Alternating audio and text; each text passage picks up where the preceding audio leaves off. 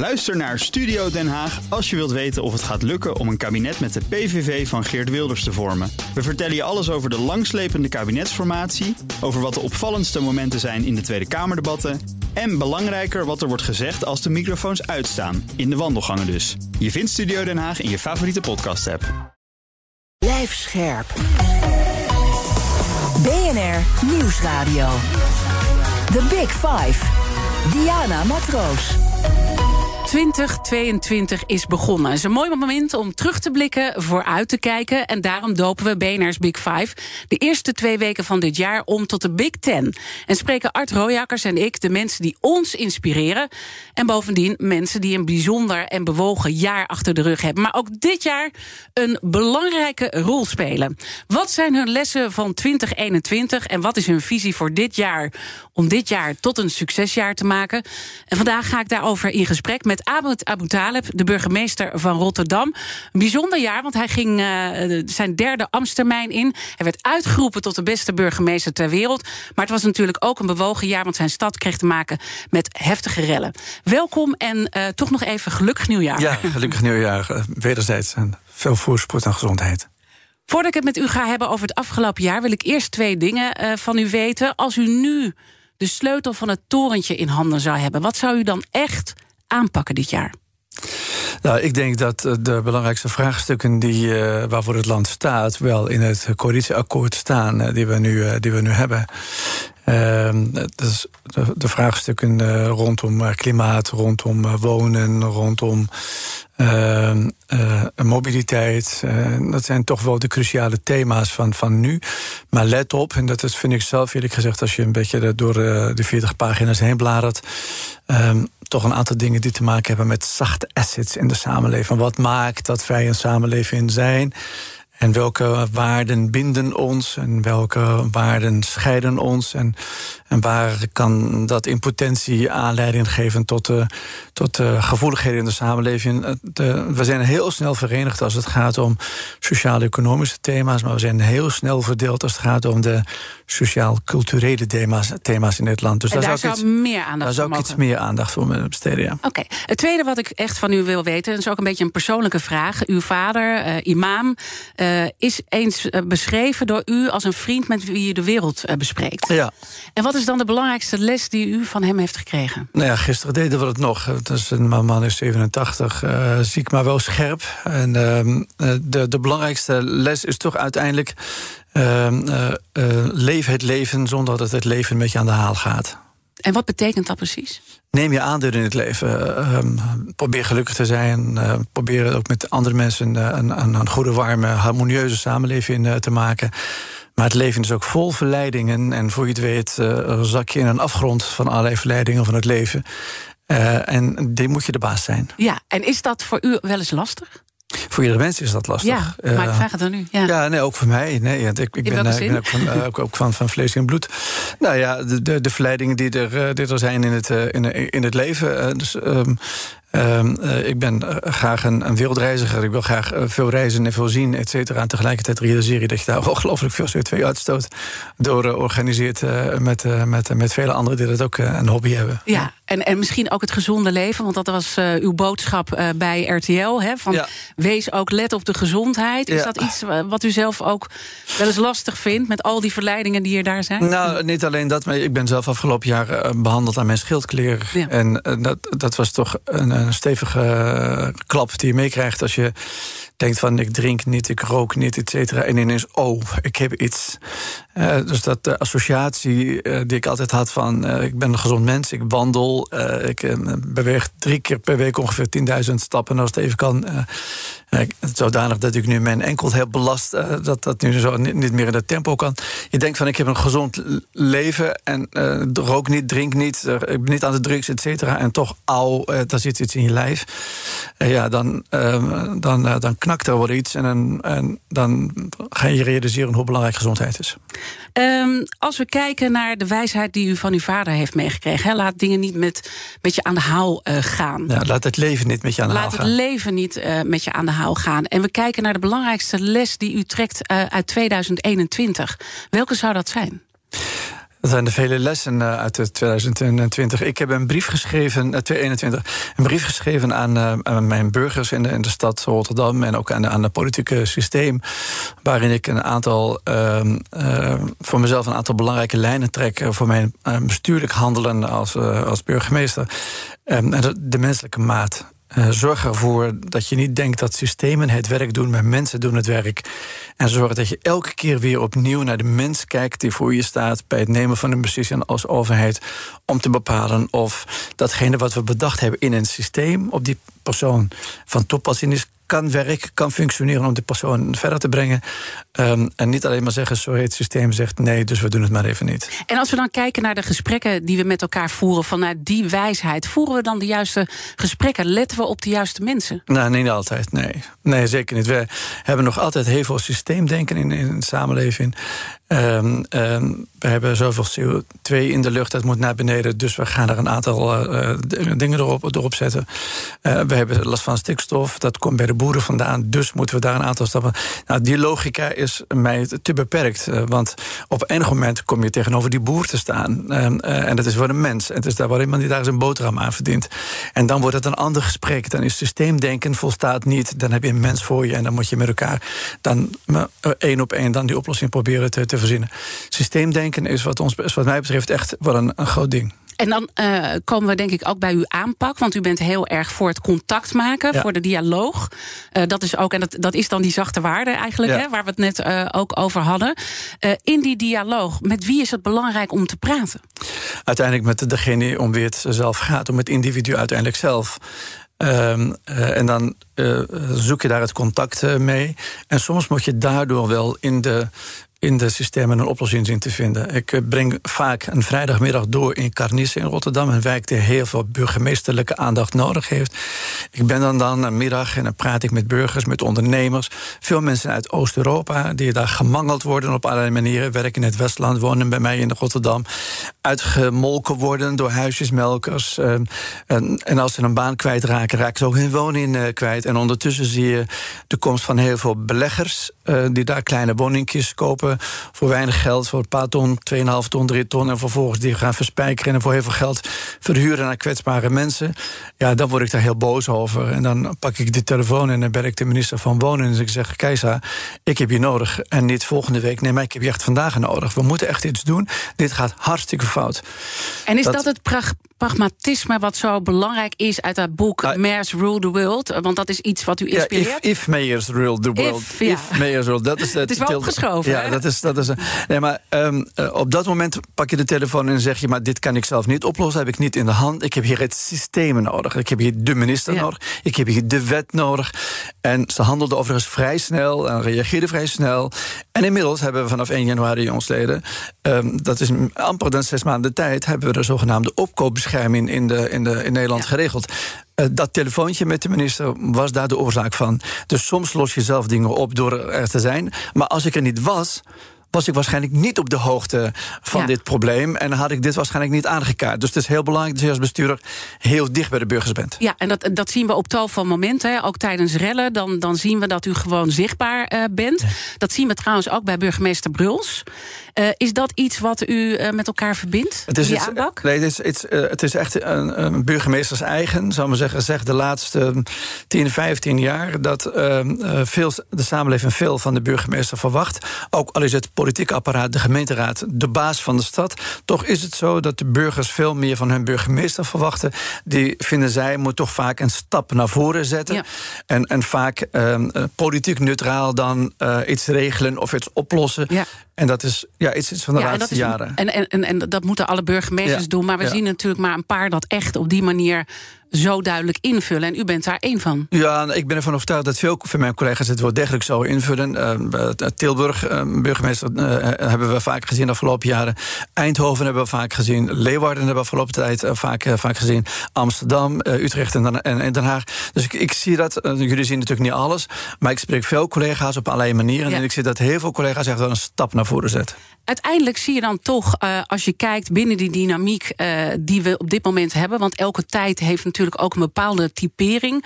Dan zie je toch dat er moeilijke uh, onderstromen zijn. En ik denk dat het heel mooi is om daar de kettingvraag uh, bij te pakken. Want in de vorige aflevering sprak ik met Annemarie Jorritsma, oud-politicus en voorzitter van de Nederlandse Vereniging van Participatiemaatschappijen. Ze was het afgelopen jaar natuurlijk ook verkenner. En ze had deze vraag voor u. Hoe kijk jij nou aan tegen die toch wel bijzondere tegenstellingen? Aan de ene kant de best wel heftige demonstraties van een hele kleine groep militante lieden die menen dat corona helemaal niet ernstig is. En aan de andere kant jouw oproep om je vooral te laten vaccineren. En al die mensen die dat uit onwetendheid ook nog niet gedaan hebben. Wat doet dat met je en hoe krijgen we ze weer bij elkaar? Uh, ik weet niet of je dat altijd bij elkaar kunt krijgen. En ik weet ook niet wat dat een wens is om altijd mensen uh, voor de 100% bij elkaar te krijgen. Polarisatie is van alle tijden. Um, niet alleen in Nederland, wereldwijd zijn polarisaties altijd eh, van, van, van alle tijden. Polarisaties zijn overigens ook niet altijd slecht. Er zijn polarisaties die de mensheid veel gebracht hebben. Als mensen niet gepolariseerd eh, hadden, waren we in de stenen tijdperk blijven eh, steken. Ja, u doet het zelf ook wel eens, hè? Ja, dus polarisatie. Ja, polarisatie heeft soms ook zijn nut om uiteindelijk het denken te forceren in een bepaalde richting. Waar Annemarie en ik zo'n hekel aan hebben, en alle bestuurders, is wanneer polarisatie gestoeld is op geweld, dan wel leidt tot geweld. Want dan treed je buiten het parlementair stelsel. Dan treed je buiten dus het stelsel van harmonie... wat wij met elkaar uh, afgesproken hebben. Binnen die harmonie mag je het met elkaar absoluut oneens zijn. Um, wil je duizend keer demonstreren tegen corona... dan demonstreer je duizend keer tegen corona. Maar blijf met je poten van de gemeenschappelijke goederen... in de openbare ruimte af. Ja. En blijf met de, van de andere persoon, een parlementariër die een andere mening heeft, daar blijf je dus ook van af. En wat hier past overigens is dat het soms ook heel goed kan zijn als een, boegbeeld. En dat kan een minister zijn, dat kan een minister-president, kan ook een burgemeester zijn. Uiteindelijk ook soms partij kiest. Wij zijn als burgemeesters boven de partijen. Maar op enig moment moet je wel zeggen: van nou, voor het goede kies ik wel mhm. partij. En ik kies dus niet voor de vraag. Dus dat is dat, dat law and order. Dat je gewoon af en toe als burgemeester. En, en dan noem ik toch ook weer even de parallel met Bruls. Want, want die is daar ook van dat keihard gewoon roepen. En dat we dat ook meer moeten durven met z'n allen. Ja, kijk, keihard roepen is geen hobby. Hè? Het, moet ook, het moet ook dienstig zijn. Maar partij kiezen um, um, voor, een, voor een burgemeester die daar niet voor aangesteld is. Een burgemeester moet juist neutraliseren, moet zoveel mogelijk um, binden en partijen in, met iedereen in overleg blijven. Ook mensen die uh, buiten de wet willen, willen treden. Maar uiteindelijk moet je op enig moment toch gewoon zeggen: ja, nee, maar ik ben wel voor het vaccineren. En als je niet gevaccineerd wil worden, dan vind ik dat vervelend. Dan uh, heb ik daar zo mijn bedenkingen bij. Um, je bent mijn burger, ik accepteer als mijn burger, blijf je mijn burger vinden. Ik ga je zeker niet uh, uh, buiten haakjes plaatsen, maar ik kies wel voor. Dus je normeert als burgemeester soms. En dat kan geen kwaad als een burgemeester soms wel normeert. The Big Five. Diana Matroos. Mijn gast is Ahmed Abu Taleb, burgemeester van Rotterdam. Uh, als we kijken naar uh, 2021, om toch nog eventjes uh, terug te blikken... dan, we hebben het al een beetje geraakt natuurlijk aan wat er gebeurt op straat... of het nou gaat over het vaccineren, de heftigheid daaromheen... of andere frustraties. daar heeft u zich al een aantal keer duidelijk over uitgesproken. Hè? Dat, dat, dat kan gewoon niet, dat is niet te vergoeilijken... om geweld bijvoorbeeld tegen agenten te gebruiken. Als u dan terugkijkt uh, op die rellen van het afgelopen jaar, wat doet het met u op het moment dat het gebeurt en eigenlijk even de politie niet de baas is op straat? De politie is uiteindelijk altijd de baas op straat. Ja, maar u zei wel in, in een van de interviews... even kort waren we niet de baas, als ja, ik het maar, heb over Koolsingel. Maar ja. u hoort mij net zeggen... uiteindelijk is de politie altijd wel de baas op straat. Uiteindelijk. Ja. Um, kijk, want um, je kunt je wel eens vergissen... en dat hebben we ons gedaan toen uh, uh, met, met, met de Koolsingel. Um, je hebt niet de informatie die erop duidt dat er echt rellen gaan uitbreken. Dus je stelt je daar niet op in. Uh, want ja, het is, politie is ook, ook schaars. En je gaat niet zomaar uh, honderden agenten de straat opsturen... als er veertig mensen te verwachten uh, zijn... volgens de informatie die we dan hebben. Um, nou kijk, wat ik, wat ik zo dramatisch vind... is dat er mensen blijkbaar... want dat vind ik psychologisch interessanter... niet zozeer of er voldoende politie was... maar wat maakt dat je het fijn vindt om gemeenschappelijke goederen te vernielen? En wat is dat? Want u heeft ook uh, railschoppers gesproken, natuurlijk ja, persoonlijk. Ik heb, ik heb het ook gedaan. En de gek is, um, ik ben een aantal gesproken die meegedaan hebben aan de rail aan de Bijlandse Laan op Rotterdam-Zuid. Een jongen van 22 die zei: ja, ja, ja, ik was in het centrum, ja, en ik zag op social media dat er van alles en nog wat gebeurde. Toen dacht ik: kom, ik ga heen. En vervolgens, voordat ik het weet, werd ik meegesleept. Nou, dat is het argument wat ze allemaal hebben. Er is niemand die zegt: ik ben leider, ik heb het aangesticht. Ik ben een meeloper. ik ben een meeloper. maar wel zes maanden gevangenisstraf. En hij zit nu aan te kijken tegen een gebrek aan een opleiding en 20.000 euro boete. Burgemeester, kun je me helpen? Nou, dat proberen we natuurlijk, want het blijft een burger van de stad. We proberen daar zo goed mogelijk hulp aan te bieden. Maar het boeit mij wel in die gesprekken om te proberen te achterhalen. waarom ga je dan de gemeenschappelijke goederen van de stad. Ga je dan, en, en wat is dan, uh, als u reflecteert op al die gesprekken, wat is dat dan? Los van het meelopen? geen vinger achter.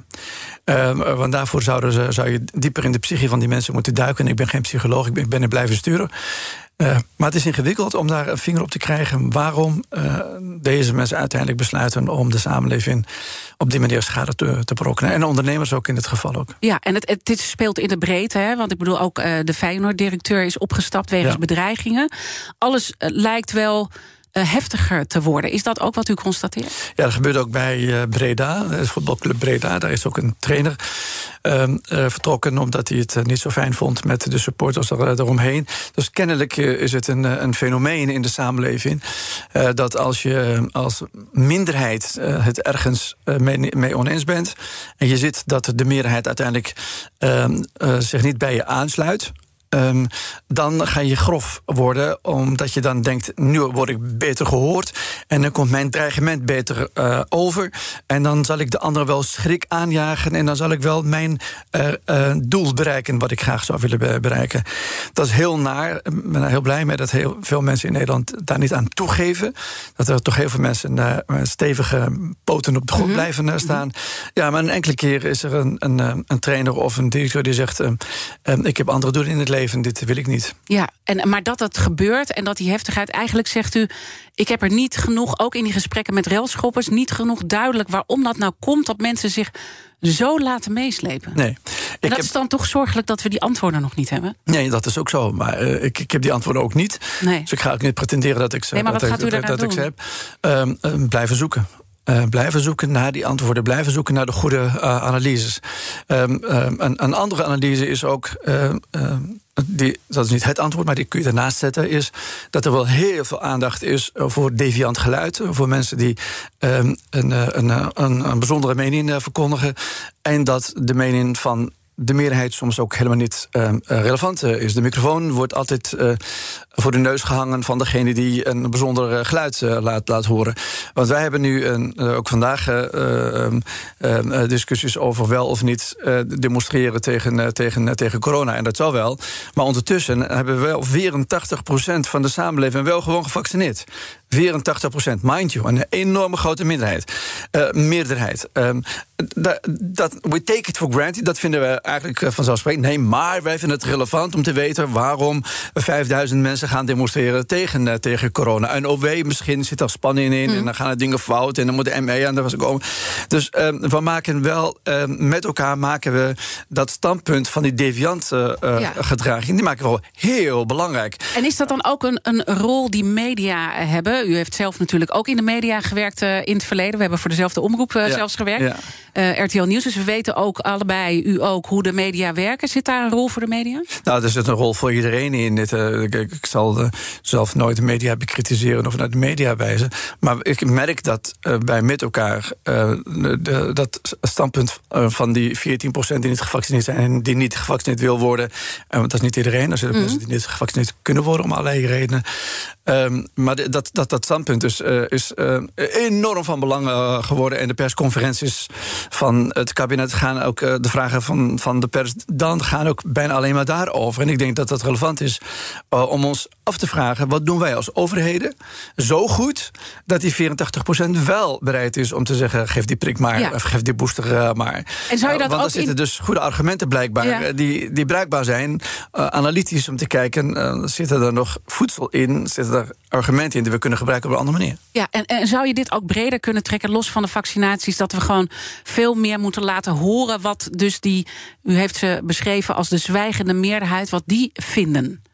Uh, daar is, ik merk dat er te weinig aandacht voor is. Zo simpel is het. Uh, uh, ik was overigens, dat lijkt niet zo zwart-wit, denk ik. Ik was ook even ja, heel blij met de, de vele aandacht voor toen wij gingen boosteren de afgelopen tijd. Voor al die mensen die naar Midden-Nederland, want daar kon het blijkbaar, kon je, kon je gevaccineerd worden zonder afspraak. Dat was echt massaal vanuit Groningen, vanuit Sittard, mm -hmm. naar Alphen aan de Rijn en naar Gouda zijn gekomen om zich te laten vaccineren. Daar was ook alweer heel veel media-aandacht voor. Dus, dus dat, het gebeurt wel, maar, gebeurt. maar het gaat over de lessen trekken. Hè? Hoe kunnen we dingen nog beter doen? Ja, en, en nogmaals, ik verwaarloos die 14% niet. Mm -hmm. Het is een relevant deel van de, van de samenleving. Maar uiteindelijk is het nogal zo dat 84% van de samenleving zich wel heeft laten vaccineren. Ja, maar, maar dan toch even over die. Eh, even los van vaccinaties, gewoon de spanningen die wij in de samenleving ja. zien. Uh, daarvan zegt u, de zwijgende meerderheid moeten we meer laten horen of in gesprek laten gaan? Nou ja, uh, de, de, vraag die mij boeit is: uh, die meerderheid is er, die zwijgt. Ja. Um, uh, en dan vinden wij dat vanzelfsprekend. Uh, maar degene die brult, daar willen we wel naar luisteren dat moet je ook doen. Maar waarom uh, maak je niet een goede analyse van wat heb je goed gedaan, ja. omdat die meerderheid wel zich conform, conformeert aan de norm? Ja, nou, uh, ja daar, denk ik over na. Ja, ja, maar, ja, maar, ja. maar, weet u dan waarom we dat dan niet doen met waarom we daar niet in geïnteresseerd zijn? Of is de zwijgende meerderheid misschien ook bang intussen om zich uit te spreken? Nou, die, volgens mij is die, die zwijgende meerderheid maar voor één ding bang: voor het virus. Ja, Nee, maar ik probeer het ook een beetje los te trekken hè, van uh, het virus en van corona. Ik probeer ook gewoon naar de spanningen in de. Hè, want polarisatie was er al ja. uh, voordat corona kwam. Ja. Dit was al iets wat aan de hand was. Ja. Ja, u drukt zich verkeerd uit, maar ik neem het u niet kwalijk. Want velen drukken zich zo uit. Er is er polarisatie. Dat betekent dat er twee polen zijn. Ja. Er zijn geen twee polen. Er zijn vele Polen. Ik zou niet de suggestie willen wekken dat het probleem uh, van stikstof en de boeren hetzelfde is als die van vaccinatie. Nee. Hetzelfde als, als van de woonopstand van mensen die op zoek zijn naar een woning. Of, uh, er zijn dus vele Polen ja. uh, in de samenleving. En die hebben soms als eigenschap dat ze één tegenpol hebben, namelijk de overheid. Uh, maar er zijn heel veel polen en is dus niet uh, polarisatie, is dus niet alleen maar uh, vaccinatie, niet vaccinatie, of migratie, geen migratie, nee, of stikstof, geen stikstof. Nee, maar goed, daar hebben we het nu zoveel over. Ja. Dus daarom probeer ik hem daar eventjes ja. van los te trekken. En ik vind het wel belangrijk als je analytisch naar de samenleving kijkt, ja. dat er dus niet twee polen zijn, maar dat er heel veel polen zijn. En dat wil ik vandaag in dit gesprek arresteren. Ja, en, en arresteren omdat, want we beginnen nou, nu te lachen. Nee, omdat, omdat ik het te gemakkelijk vind om alleen maar te zeggen dat er twee polen zijn in de, in de, in de samenleving. Ja. Toen CP86 was in 1986, toen was de polarisatie migratie of geen migratie, ja. racisme of geen racisme. Maar maakt het dat ja. juist ook zo complex dat er zo ontzettend dus, veel polen zijn? Ja, Nou, komen we nou punt wat u even zo is... wilde regisseren waar we heen gaan. Ja, nee, nee, maar dat is wat ik zou willen zeggen. Er zijn dus vele maatschappelijke thema's, dus ja. vele maatschappelijke discussies uh, zijn. Uh, en dat maakt het overigens voor een kabinet ook zo verdomd lastig om dat, uh, om dat op te pakken. omdat dat niet één dingetje is. Er zijn er vele, vele zaken die zich richten op die overheid. Als je tot de milieubeweging behoort, heb je een ander vraagstuk met het kabinet. Als je met de woonopstand ja. bezig bent, heb je een ander vraagstuk. En als je met stikstof bezig bent, heb je een ander vraagstuk. En er zijn vele polen die in, in Nederland in de samenleving manifesteren. Nou ja, daar gaan we dan zeker over verder praten in het tweede deel van ons gesprek. Want dan gaan we uh, praten nou, over een belangrijk groot probleem waar we het nog niet over hebben gehad.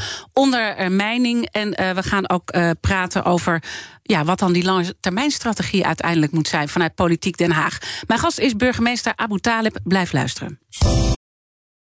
Ook Hugo Reitsma vind je in de BNR-app. Superhandig die BNR-app. Je kunt alle programma's live luisteren, breaking nieuwsmeldingen. Je blijft op de hoogte van het laatste zakelijke nieuws. En je vindt er alle BNR-podcasts, waaronder natuurlijk de belangrijkste, Boeken zijn in de wijk. Download nu de gratis BNR-app en blijf scherp. Blijf scherp. BNR Nieuwsradio. The Big Five. Diana Matroos. Welkom bij het tweede halfuur. Deze week blik ik met vijf kopstukken terug op het afgelopen jaar. Maar we kijken ook samen vooruit naar 2022. Later deze week praat ik nog met voormalig fractievoorzitter van de VVD, Klaas Dijkhoff. Hoe kijkt hij nu naar politiek Den Haag? Mijn gast vandaag is Ahmed Abu Taleb, de burgemeester van Rotterdam. En het komend half uur wil ik graag nog twee onderwerpen met u bespreken. Namelijk welke lange termijn strategie er nodig is vanuit politiek Den Haag en de aanpak van ondermijning ondermijning. En laten we met dat laatste beginnen, want de Rotterdamse haven heeft te maken met corruptie. Uh, met het collectief van activistische havenmedewerkers, Dockers United. Een heel indrukwekkend filmpje ook wat we van Dockers United in het afgelopen jaar uh, hebben gezien. Ik zou het niet indrukwekkend willen noemen, ik zou het een heel naar filmpje willen noemen. Nou, uh, naar en indrukwekkend zeg ik omdat ik het serieus neem. En de politie het ook serieus neemt. En dat natuurlijk wel echt een onderstroom is waar we mee te maken hebben. en ja, de Rotterdamse haven, daar zien we natuurlijk ook drugscriminaliteit. Worstelt u met die mix aan problemen? Want u benoemde net, landelijk hebben we een mix aan problemen. Daar, gek genoeg, eh, als het gaat om de drugscriminaliteit, eh, ben ik niet aan zet. Geen enkel burgemeester is aan zet. Wij zijn niet bevoegd. Uh, wij zijn uh, van de openbare orde. En het bestrijden van criminaliteit, witwassen. en de bestrijden van internationale handel in drugs. Uh, komt niet in de aanstellingsbrieven van de burgemeesters voor. Zou dat wel moeten? Toch worstelen, toch worstelen veel burgemeesters daar wel mee. Mm -hmm. omdat het natuurlijk weer op ons grondgebied zich, zich afspeelt. En daar moet je wel iets mee, omdat uiteindelijk die handel ehm, zich manifesteert in de witte economie. Um, en, uh, en dat wil je niet in de, in de, in de samenleving. Dus uh, um, het enige wat je kan doen als burgemeester, en ik doe dat eerlijk gezegd volop, is dat je je gezag moet aanwenden om samen met partijen die daar allemaal onderdelen van hebben, de Belastingdienst, de douane, uh, de, de rechercheactiviteiten, het Openbaar Ministerie, de havenbedrijven in Rotterdam, het havenbedrijf. Dus al die partijen bij elkaar uh, proberen met elkaar een goede aanpak te organiseren. En in Rotterdam is de burgemeester daarin de regisseur, want ik roep al die partijen bij elkaar en ik ben voorzitter van de zogenaamde drugstafel in de, in de, in de haven.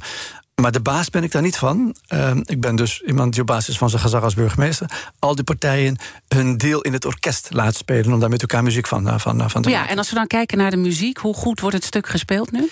Ik denk dat we het steeds beter spelen. Alleen uh, wij um, um, zijn als samenleving in dat opzicht... met enige regelmaat, zeg ik maar even bij, naïef. En dat zijn heel veel juristen vinden het vervelend... als ik zeg dat we soms naïef zijn.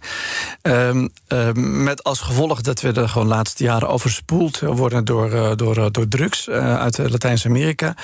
We hebben tot voor kort nauwelijks agenten in Latijns-Amerika om waar te nemen wat daar gebeurde. Ik ben er een paar jaar geleden geweest. Ik ga trouwens binnenkort weer terug. Um, toen hadden we daar in heel Latijns-Amerika één politieman die dat in de gaten hield vanuit Colombia. Dat is naïef. Um, vervolgens hebben wij nauwelijks geïnvesteerd in, uh, in het verhogen van onze barrière in de Rotterdamse haven. In andere havens ook, uh, Vlissingen en Nijmuiden, hebben te weinig in, in geïnvesteerd.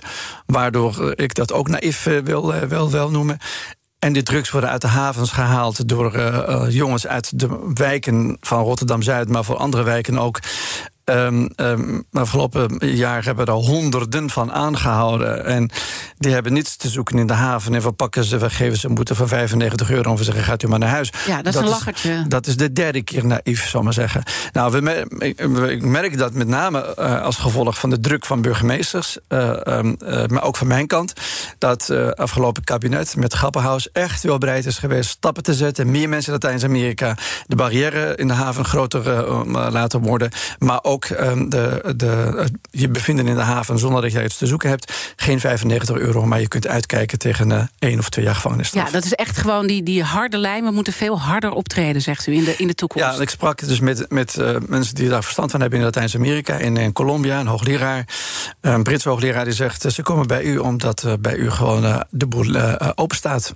Als u de boel dicht doet, dan gaat u kijken naar wat er in Amerika is gebeurd. Ze gaan veel minder naar Amerika. Daar hebben de Amerikanen gewoon een boot uh, met een miljard... ter waarde van een miljard aan drugs aan boord aan de ketting gelegd. Ik moet nog wel zien dat we dat in Rotterdam uh, een boot aan de ketting kunnen leggen. Want dan zegt de rederij... nou, meneer Almontade, u legt mij aan de, aan, de, aan de ketting... dan ga ik naar Antwerpen, of dan ga ik naar Hamburg... of dan ja. ga ik naar Algeciras. Dus dat is de spanning, ook de, de, de, de, economische kracht eigenlijk van de haven... is eigenlijk ook een vijand geworden in dat ja, opzicht. Uh, nou, de, de, kracht, de, de perfecte logistiek... Die, wordt, die wordt perfect gebruikt door deze lui. En, en we hebben ehm, voortdurend gekeken naar de perfectie van de logistiek voor de economie. En die moeten we overeind houden. Zonder dat we ons hebben gerealiseerd dat dat ook betekent dat de deur wagenwijd open stond voor drugs. Ja, en dan zit ik toch dan even. Wat, wat moet er dan heel concreet gebeuren? Nou, om te beginnen moeten al die snuivers stoppen met snuiven. Ja. want zij denken dat ze voor de gezelligheid op een avondje wat snuiven. in Rotterdam hebben we kunnen becijferen de afgelopen jaren dat er per jaar zo'n 100 miljoen euro werd, werd gebruikt aan drugs. Dat halen we uit de rioolonderzoek.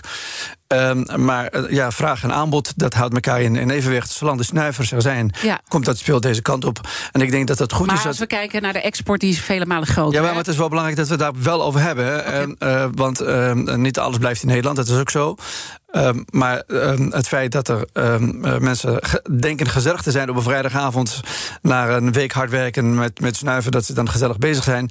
Maar dat, dat daar veel ellende mee gepaard gaat. Daar moeten we echt een schaamte bij hebben. Nou ja, Degenen die dat doen, moeten ja, daar een schaamte bij hebben. Dat dus. En ik denk dat dat belangrijk is dat we dit al in het gesprek hebben over de, de kwekers. Want daar ben ik geweest. Hè. Ik ben dus echt bij die boeren in, uh, in de bergen van, van Colombia geweest. Uh, tot, tot daar ben ik, ben ik, ben ik geweest.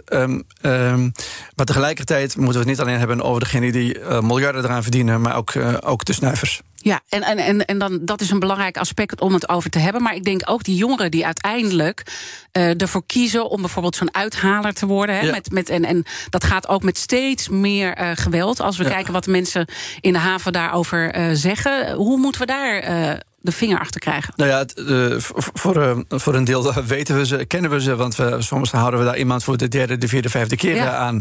Uh, en die 100 euro boete wordt door de opdrachtgever met gemak betaald in het café op de hoek. Dus dat, dat is denk ik waar we ook werk van zouden, zouden moeten maken. Kijk, degene die denkt dat. Um, um, en dat hoor ik in de politiek met enige regelmaat van ja, maar als je die jongeren een perspectief geeft, dan zal die dat niet meer doen.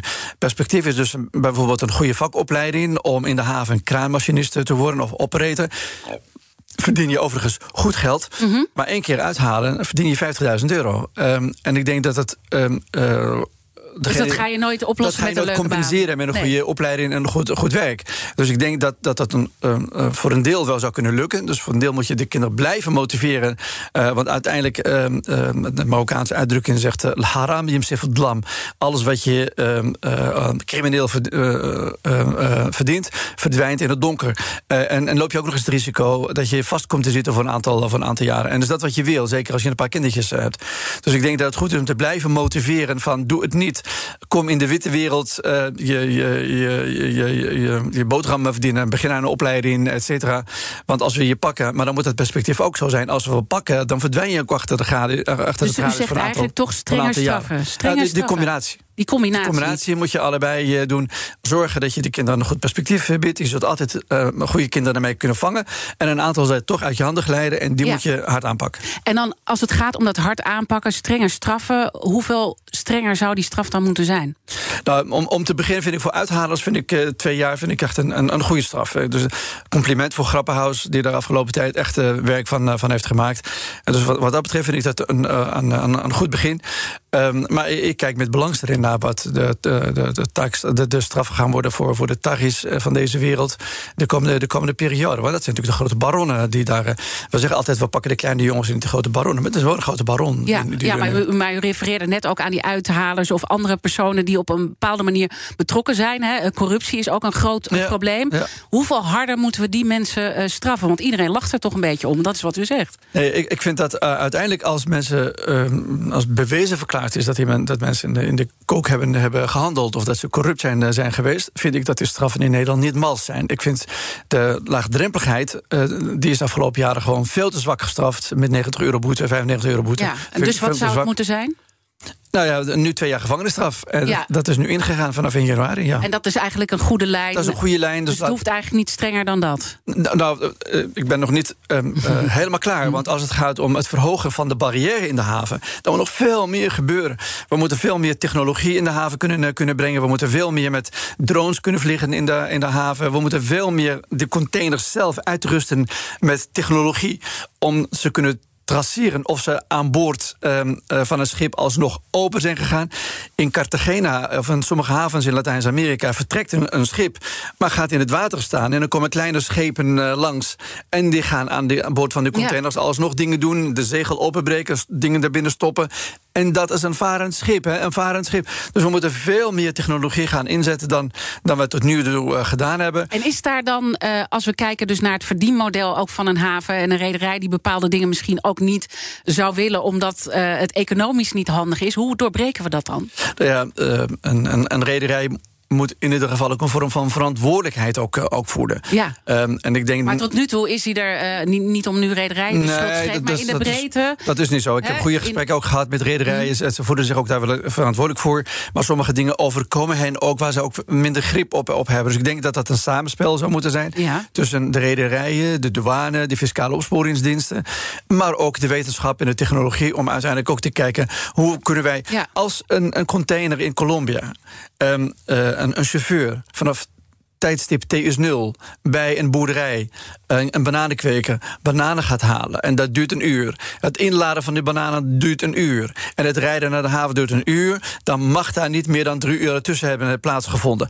Als die container toch ergens anders is gegaan, uiteindelijk om daar, uh, om daar, bananen in, uh, om daar iets anders in die bananen te, te stoppen, dan is, duurt dat dus langer dan drie uur. Ja. Nou, een chip kan vasthouden dat dat langer geduurd is dan drie uur. Dan is die container gecontamineerd. Dus als je de tijd uitleest als in de haven komt, dan moet je zeggen, de container gaat niet mee. Ja. Uh, technologisch is dus veel meer daar, mogelijk. Daar verwacht u heel veel van, van dat technologische. Ja, wij um, wachten totdat um, de, de, de, de, zeggen, de, de drugshandelaren ons vooruit zijn. En dan lopen we er achteraan. En we lopen dus voortdurend achteraan. En wij moeten nu een stap vooraan zetten. Zometeen praat ik verder met Ahmed Abu Talib, burgemeester van Rotterdam. Maar eerst naar BNR Breekt. Wat is straks om 11 uur jullie breekijzer? Ons breekijzer is zometeen. Het is onverantwoord om nu op vakantie te gaan. Heeft ermee te maken dat, ja, wij zitten in eigen land natuurlijk nog in lockdown. Maar in landen om ons heen is het vaak allemaal een stuk minder streng. Je kan lekker winkelen in Antwerpen of uh, uit eten in Duitsland. En dus op vakantie. Hele hordes mensen die zijn natuurlijk op wintersport. In het AD vandaag lezen we echter ruim duizend Nederlanders testen positief op corona na een reis naar een wintersportland rond kerst en oud en nieuw. Dus ja, de vraag is dan een beetje: is dat wel zo verstandig? Het aantal coronabesmettingen na een bezoek aan Oostenrijk verzesvoudigde. En ook na terugkeer uit Zwitserland en Italië is het aantal besmettingen bijna verdubbeld. En dus kan je zeggen: ja, skiën is niet zonder coronagevaar. OMT-lid Mark Bonte zegt in de krant: uh, elke reisbeweging buiten Nederland is een risico. En daarom is ons breekijzer vandaag: het is onverantwoord om nu op vakantie te gaan. Ik ben heel benieuwd hoe jij daarover denkt. Na twee jaar corona hebben veel mensen denk ik wel behoefte aan een verzetje. En ja, je ski-skills moet je natuurlijk ook een beetje onderhouden. Maar is het dus slim en is het ook sociaal wenselijk om nu op wintersport of uh, lekker op een stedentripje te gaan? En uh, is het ook wel sympathiek naar al die mensen die wel braaf in de lockdown blijven vegeteren. Ons breekijzer vandaag. Het is onverantwoord om nu op vakantie te gaan. Ik ga er zo meteen om 11 uur over praten met een panel en een deskundige. En ik hoor graag hoe jij erover denkt. Je kunt zo meteen bellen naar 020 468 4 keer 0 020 468 4 keer 0 Welke afweging maak, jou, maak jij? Ik spreek je graag zo meteen over een minuutje of 15 in BNR Breekt. BNR Nieuwsradio. The Big Five. Diana Matroos. Je luistert naar BNR's Big Five met de Big Ten van 2022. Eerder deze week sprak ik met Annemarie Jortsma over de langste formatie. Dit is terug te luisteren, dit gesprek, via bnr.nl.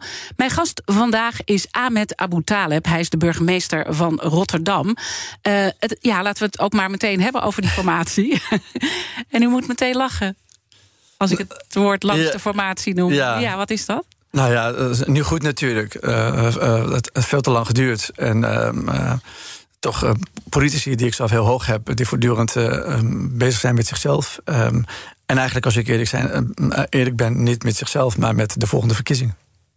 En dat is de volgende verkiezingen die daar nu aan zitten te komen. Ja, van, ik, moet nu, ik moet nu geen fouten maken... waar ik bij de volgende verkiezingen last van heb. Ja, en, en, en hoe ernstig is dat? Nou, dat is heel ernstig, want het, het kabinet wat volgende week ergens aantreedt... heeft nog maar 2,5 jaar netto om wonderen te verrichten... met de miljarden die ze bij elkaar hebben. Ja, en als we dan horen van uh, nieuwe bestuurscultuur... en het gaat allemaal anders worden, wat denkt u dan? Dat uh, moet ik eerst zien. Ja. In ieder geval, de eerste tekenen van de debatvoering in de Tweede Kamer laat niet zien dat er sprake is van een andere, een andere, een andere politieke cultuur. Misschien komt er een andere bestuurlijke cultuur, want dat is net iets anders. dat bestuurlijk hangt niet alleen af van regels, maar ook van mensen af. Hoe stellen de mensen zich op? Dus ik ben wel benieuwd of de mensen die nu aangezocht gaan worden, andere gedrag gaan, gaan, gaan vertonen. Maar in het politieke debat van de afgelopen zeg, uh, drie kwart jaar na de verkiezingen uh, voorspeld in dat opzicht niet, uh, niet veel goed. Niet heel veel goed. Maar het, het, kan zijn dat de nieuwe aantredende minister een, ministers ander gedrag gaan vertonen. Ja, en dat maar hoop het is natuurlijk wel heel ook. moeilijk. Ik bedoel, er zijn wel wat nieuwkomers, wat we nu een beetje weten aan de namen die binnenkomen. Maar het is niet het overgrote deel natuurlijk. Dus dat is best moeilijk. En eigenlijk Rutte heeft ook al gezegd in zijn kerstinterview: van ik kan niet in één keer heel iemand anders worden. En dat is natuurlijk ook dat zo. Dat is waanzinnig eerlijk. Ja. ja, zo is het. Ja. Mensen zijn gebakken zoals ze gebakken zijn. Ja, en eh, terwijl hij eerder natuurlijk, het is heel eerlijk, maar eerder heeft hij natuurlijk allemaal gezegd: ik ga het helemaal anders doen. Ja, maar let op, een, een cultuur maakt niet één mens. Hè. Dus Rutte maakt niet in zijn, een keer, uh, in, zijn eentje die, die, cultuur, dat maak je met elkaar. Dat is de uh, eh, 150 mensen in de Tweede Kamer, uh, dat is de Eerste Kamer, dat zijn de ministers, dat is de journalistiek, dat zijn de lobbyisten. Maar bij elkaar maken ze die, op Binnenhof die, die cultuur op de ene vierkante kilometer. Dus het is nu goed om dat alleen maar Rutte aan te rekenen. Maar we weten natuurlijk wel dat hij uh, gelogen heeft. En dat hij ook heeft gezegd: we gaan het helemaal anders doen. Terwijl we nu horen zeggen: ja, ik kan toch niet echt iemand anders zijn. Waarvan u zegt: ja, dat is een eerlijk antwoord. Maar die hebben we niet daarvoor gehad, natuurlijk. Hij heeft niet gezegd: ik heb gelogen. Hij heeft gezegd: van, ik herinner mij niet dat ik dat zo gezegd heb. Ja, ik heb geen actieve herinnering aan. Nou ja, Ik, ik, eh, ik, ik, vind dat, we mensen goed moeten citeren. Ja, ja, ja. nee, dat, daar, daar heeft u gelijk in. Maar het feit dat hij zegt: we gaan het helemaal anders doen. En nu eigenlijk zegt. Uh, terwijl die er zit. Ik kan eigenlijk niet iemand anders Ja, maar er is natuurlijk wel een, een top om hem heen. Uh, ambtenaren. Um, uh, hij kan ook besluiten uh, veel meer naar de ambtenaren te luisteren. En die vaak toch wel ehm, binnen de band, bandbreedtes van, van de wet en regelgeving wensen te blijven. Mm Ze zullen nooit een bewindspersoon adviseren om buiten de lijnen van wet en regelgeving te gaan. Dus we hebben nog meer checks en balances dan alleen een persoon op een ministerie. Want ik heb daar op dat ministerie natuurlijk ook gezeten van Sociale Zaken. Dus daar zou die veranderingen ook vandaan dan zou, dan zou je natuurlijk ook uh, de, de, de, de ambtelijke entourage ook eh, veel meer serieus moeten nemen. Uh, want dat zijn niet alleen maar deskundige mensen. Ja. Dat zijn ook mensen die vaak kunnen bewaken dat een, een bewindspersoon ontspoort. Uiteindelijk is het ook voor uw gemeente en voor al die gemeenten belangrijk dat dat gebeurt. Want die formatie heeft natuurlijk niet geholpen. Ik bedoel, u heeft fijne contacten, maar ik kan me ook voorstellen dat het ook heel erg een rem zet op belangrijke ontwikkelingen. Dat kunt u zeker stellen. Ehm, als het gaat om de grote thema's. Ehm, uh, van klimaat en, stikstof en wonen, et cetera, heeft het kabinet denk ik goede, goede verhalen. Um, ook goede budgetten, daar ben ik ook heel blij mee. Een aantal daarvan zal zeker ook Rotterdam ook raken. Maar als het gaat om de manier waarop dit kabinet de mede-overheden behandelt, is het echt heel slecht. Er zijn veel financiële verhoudingen die worden aangeraakt. een aantal zaken die het kabinet wil realiseren, wordt ook rechtstreeks uit de gemeentepot gefinancierd. Dus wij zullen daar echt als gemeente echt last van hebben. Jeugdzorg is daar een voorbeeld van. We hebben een goede arbitrage. En die is bindend voor ons allebei. En die inhoudt dat het kabinet uh, voor de gemeenten iets meer dan een miljard bij moet plussen. Willen wij de jeugdzorg de komende jaren goed doen? Nou, dat doen ze niet. Um, dus we zullen de komende periode weer te maken krijgen met wachtlijsten en met jeugdzorgvraagstukken die niet goed uit de, uit de verf uh, komen. Dus ja, uh, als het gaat om de manier waarop de gemeenten uit de, uit de, uit de, en wat geldt ook over de provincies uit eh, de bus komen, dat is niet goed. Nee. En, en, en, en, hoe slecht is dat? Hè? Want we hebben natuurlijk gesproken over de spanningen die we zien in de samenleving. U heeft eerder de woorden naïviteit gebruikt. Hoe naïef is het dat we hier dan niet optreden? Want uiteindelijk, dit, dit nou, dit, dit is, in ellende op dit is, dit, is, dit is niet naïef, dat is klassiek voor alle kabinetten bijna. Ze uh, financieren eerst datgene wat zij zelf ideologisch belangrijk vinden, alle kabinetten. En dan willen ze nog een aantal andere dingen doen. Dan zeggen ze, oh, daar hebben we het geld niet voor. Oh ja, maar dan halen we wel het pot van de gemeenten. Uh, daar zit er nog een paar miljard in. Dan hoeven we zij namelijk niet uit te leggen dat dat niet goed loopt. Dan moeten wij als gemeente dan tegen de burgers zeggen van... sorry, de zwembad van jou gaat, gaat dicht. Of dat sportveld gaan wij dicht doen. Of dat buurthuis gaan we dit Met doen. alle frustratie Met alle frustraties van, van, eh, van, eh, van, van dien. Ja, dus dat is echt niet goed. Jan van Zanen, eh, als voorzitter van de VNG, heeft daar een hele stevige brief over geschreven naar de, naar de beide kamers. Waarin hij aangeeft dat dit echt niet goed is. En laat ik hem um, uh, bij deze zeggen dat ik mhm. die inhoud van de brief echt steun. Het is niet niet goed dat er zo'n stevige uh, greep in de kas van de gemeente wordt gedaan. En zeker op het punt van de jeugdzorg, dat uh, de arbitrageuitkomst niet wordt uitgevoerd. Dat is echt niet goed. U heeft aan het begin uh, van de uitzending de vraag beantwoord van Annemarie Jorritsma. Maar natuurlijk gaat de kettingvraag door. Ja. En die gaat naar Klaas Dijkhoff. Wat zou u aan hem willen vragen? Ik zou aan Dijk, Klaas Dijkhoff um, als slimste Nederlander ooit toch willen vragen: um, um, is er leven na de politiek? Want dat is voor mij altijd een politiek dier geweest. Ik, ik heb er eens op zijn werkkamer in Den Haag aardige gesprekken met hem mogen voeren analytisch hele sterke man. Um, ja, die op een gegeven moment besloten heeft om bij de, bij de VVD eh, weg te gaan. En nu zit hij in de Raad van Commissarissen van, van de PSV, waar hij ongetwijfeld zinvol werk doet, want PSV doet het goed. Maar is er leven na de politiek? Een hele mooie Hoe gaat het je? Ja, ja die ga ik hem zeker stellen. Maar er zit ook vaak een, een, een reden achter waarom iemand zo'n vraag stelt. Is dat ook een vraag die u wel eens bezighoudt? Uh, ja, uh, kijk, als je zo een, een, politiek bestuurlijk dier bent... en op enig moment besluit je daarmee op te houden... dat geldt voor iedereen, dat komt uit moment een keer... Ehm, ehm, dat is een, een, soort verslaving waar je voor moet afkicken. Um, en het mooie vind ik aan het bestuurlijk werk, wat ik doe en wat, wat vele andere mensen, uh, zoals ik, er zijn zo'n 350 burgemeesters, is dat we allemaal het doen omdat we echt geloven dat we door aan de knoppen te draaien eh, het leven van onze burgers aangenaam kunnen, uh, kunnen maken. Daar geloven we ook echt in dat, dat we dat willen en dat we dat ook kunnen en dat we mhm. dat ook goed kunnen. Maar op een moment als je dan uh, de stuurknuppel overdraagt aan een, aan een ander... en jij zelf dan vervolgens aan de kant gaat, gaat staan... je wordt dan uh, niet bestuurder, maar burger... En dan is dat een soort afkikproces. Ja. Hoe gaat het je en, en, en, dat is natuurlijk... Uh, ik bedoel, ik ben aan de derde termijn begonnen... maar uiteindelijk gaat het natuurlijk een keertje stoppen. Dus ik, ja. ik, u bent daar natuurlijk over aan nadenken... wat er hierna moet komen. Ja, ja, en, en wat zou dat kunnen nee, zijn? Ik ben er niet uitgekomen uh, voor, me, voor mezelf. Maar ik zou heel graag, als ik ooit uh, op House ook graag maatschappelijk actief willen zijn, dingen willen doen.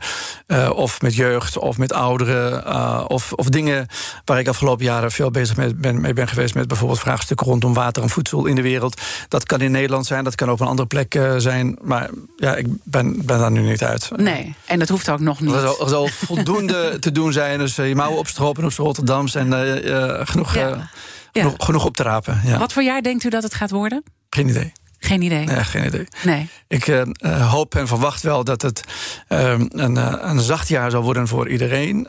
zeker mensen die het moeilijk hebben.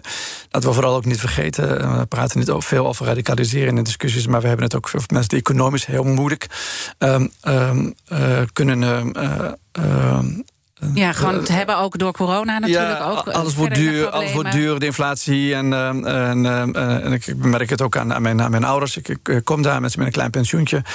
Uh, ik kom daar regelmatig voor allerlei mooie gesprekken. Maar als je ze niet een beetje steunt, dan komen ze echt niet, niet, niet, niet, niet uit de verf. Uh, gelukkig, uh, daar praten we nooit over, omdat we dat alleen doen in Nederland. Is er ook veel warmte in Nederland, ook veel genegenheid, waarbij mensen ook voor elkaar, mensen voor elkaar klaarstaan, mensen bereid zijn elkaar te helpen. Uh, en laten we dat ook overeind houden. Laten we alsjeblieft ook in 2022 elkaar blijven helpen en elkaar blijven omzien. Ik wil u hartelijk danken dat u hier mijn gast wilde zijn, een uur lang. De burgemeester van Rotterdam, Ahmed Abu Taleb. En natuurlijk zijn alle afleveringen terug te luisteren. Je vindt de podcast in de BNR-app en op bnr.nl. Maar blijf de hele dag live hier op BNR. Zometeen BNR breekt. Ik wens je een mooie dag. Ook Bas van Werven vind je in de BNR-app. Ja, je kunt live naar mij en Iwan luisteren tijdens de ochtendspits. Je krijgt een melding van Breaking News. En niet alleen onze podcast Ochtendnieuws, maar alle BNR-podcasts vind je in de app. Download nu de gratis BNR-app en blijf scherp.